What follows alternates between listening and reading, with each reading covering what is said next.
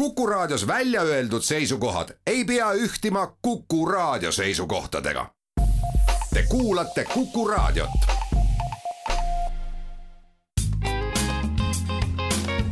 terviseminutid. saate toob kuulajateni pereoptika, kogu pere prillipood tere, head Kuku kuulajad, eetris on Terviseminutid ja me räägime täna levinumatest silmahaigustest. mina olen Ingela Virkus ja koos minuga on stuudios pereoptika juhatuse esimees Jaan Põrk. tere! pereoptika optometrist Laura Tõnov. tere! ning Essilori prilliklaaside tootespetsialist Margo Tinna. tere! millised on siis täna need levinumad silmahaigused? vanematel inimestel katarakt ehk hallkae, glaukoom ja AMD Äh, noorematel esineb ka näiteks kuiva silma sündroomi päris palju. mis asi on AMD? Äh, AMD on maakuladegeneratsioon. mida see täpsemalt tähendab või kuidas see väljendub? Äh, see väljendub ähm, sellises truuside tekkimises silmapõhjas, mis siis teisisõnu inimesele tähendab seda, et vaateväljas tekivad sellised pimetähnid ehk skotoomid ja mina tahaksin lisada, et äh, see levinud haigus, et käed lühikeseks jäävad ja äh, peale neljakümmet viit eluaastat enam ei näe hästi lugeda, et seda tegelikult ei nimetata haiguseks, et see tegelikult on füsioloogiline protsess. Jah, et ma Laura, Laura jutule veel nagu lisaks see, et mis see AMD tähendab, et siin oli sektsioonide kaupa, eks ole, seletus, et mis ta tähendab, et päris rahvakeeli tähendab seda silmapõhjas äh, nägemisretseptorid, need, millega me näeme, need lihtsalt surevad äh, jupikaupa sealt ära, ütleme sellise portsude kaupa ja ühel hetkel lihtsalt need retseptorid enam ei tööta Jaan mainis, et on, äh, et me ei saa nimetada seda, kui käed jäävad lühikeseks nii-öelda silmahaigusteks ja see on kusagil, algab seal viiekümnendatest eluaastatest. no neljakümne viiest ja mida rohkem siin seda arvutiga tööd on, mida rohkem silmad lähedale töötavad ja kui inimesed õigel ajal ei kasuta sinise valguse plokki, ultraviolett valguse plokki, seda kiiremini hakkavad need käed lühikeseks jääma, see on küll noh, niisugune vahva väljend, aga, aga kui inimene viib raamatu lugemiseks kaugemale, siis on ju käed lühikesed. Kui me aga räägime glaukoomist ja kataraktist näiteks, et miks need tekivad, et need on ju ikkagi haigused? Just, et näiteks glaukoomi puhul mm, mis toimub, on see, et aheneb vaateväli. Äh, ja seda põhjustab enamasti selline suurenenud silma siserõhk. Ja katarakti või soodumus inimestel katarakti tekkeks on äh, sellistel inimestel, kes näiteks suitsetavad, äh, kes ei kanna korralikku päikeseprilli väljas, ehk siis UV-kiirgus on see, mis seda mõjutab mis võib aga glaukoomi teket soodustada, et kellel selle tekkeks suurem soodumus näiteks on? Äh, näiteks inimestel, kellel on väga suur refraktsiooniviga, ehk siis väga suur miinusprill. Äh, samuti on äh, glaukoom on ka pärilik haigus, ehk siis kellel ähm, perekonnas on varem olnud glaukoomi või AMD-d, siis ka neil on kindlasti suurem teke.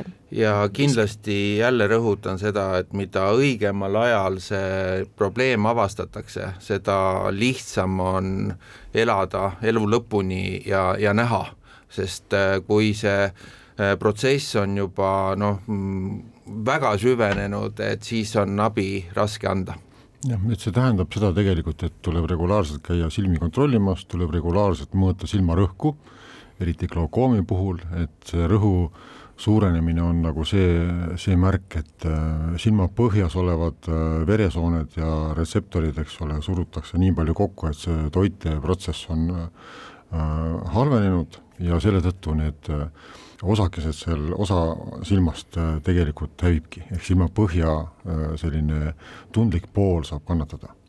ja kuna optometristid ja silmaarstid äh, vaatavad just nimelt inimese silma tervist ja nägemist, aga äh, mina kinnitan väga üle ja rõhutan seda, et äh, õige prill, et ei, prillil ei oleks neid kriimustusi, iga kriimustus tegelikult vähendab head nägemist ja, ja õige tugevuse peale, et, et silm ära ei väsi.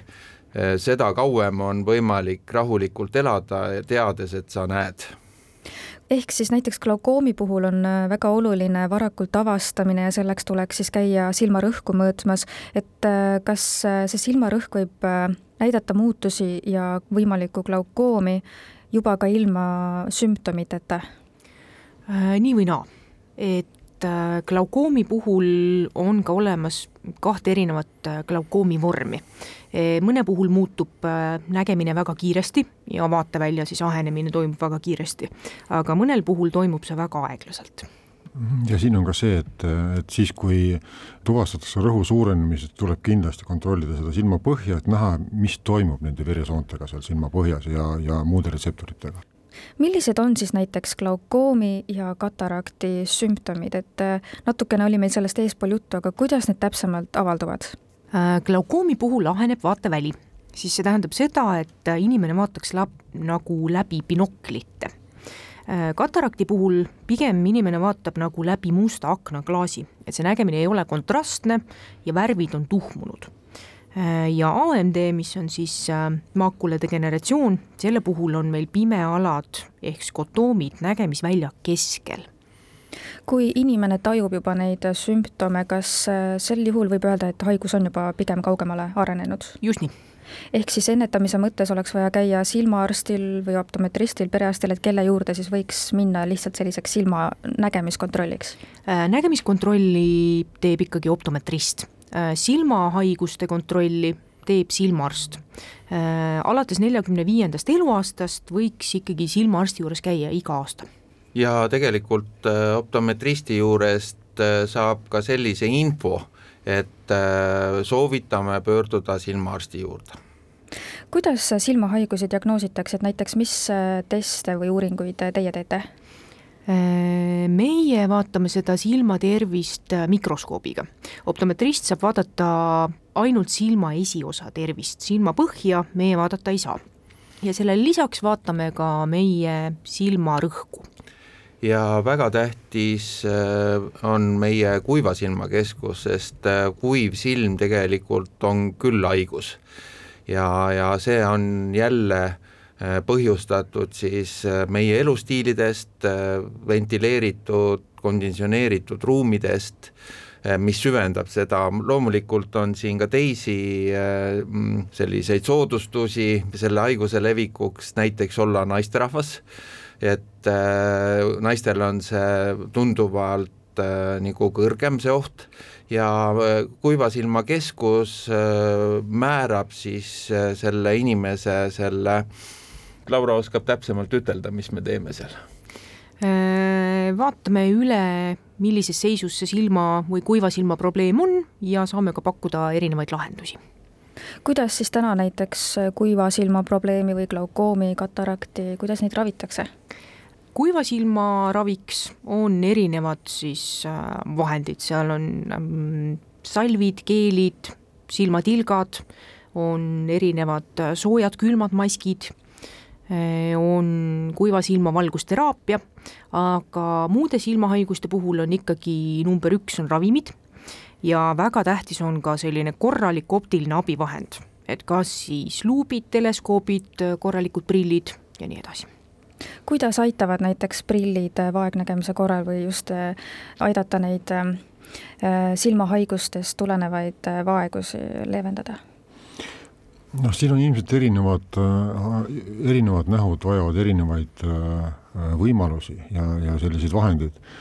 et põhiline on see, et kui inimesel on ikkagi mingisugune probleem selle nägemisega, et siis nägemisvõimekus maksimaalselt ikkagi välja tuua, nii et inimesel on äh, kvaliteet kindlasti selles nägemises paraneb, ütleme nii Äh, siis on oluline see, et, et kui tal on noh, mingisugune silmahaigus, mis on tingitud kas UV-kiirgusest või mingisugusest muust valguse mõjust, et siis me saame panna vahele teatud filtreid ja, ja aidata inimest ja, ja tõsta ka tema sellist äh, värvi äh, gammaga läätses sellist nägemiserksust või kontrasti paranemist või, või taju jah, ja mina lisan juurde, et see toimub ikka öö, tõesti väga suurtes prilliklaasitehastes, et me ei istu kuskil kabinetis ja ei kileta neid klaase, vaid et need on kõik spetsiaalsed klaasid, mis, mis toodetakse siis öö, teatud olukordade leevendamiseks.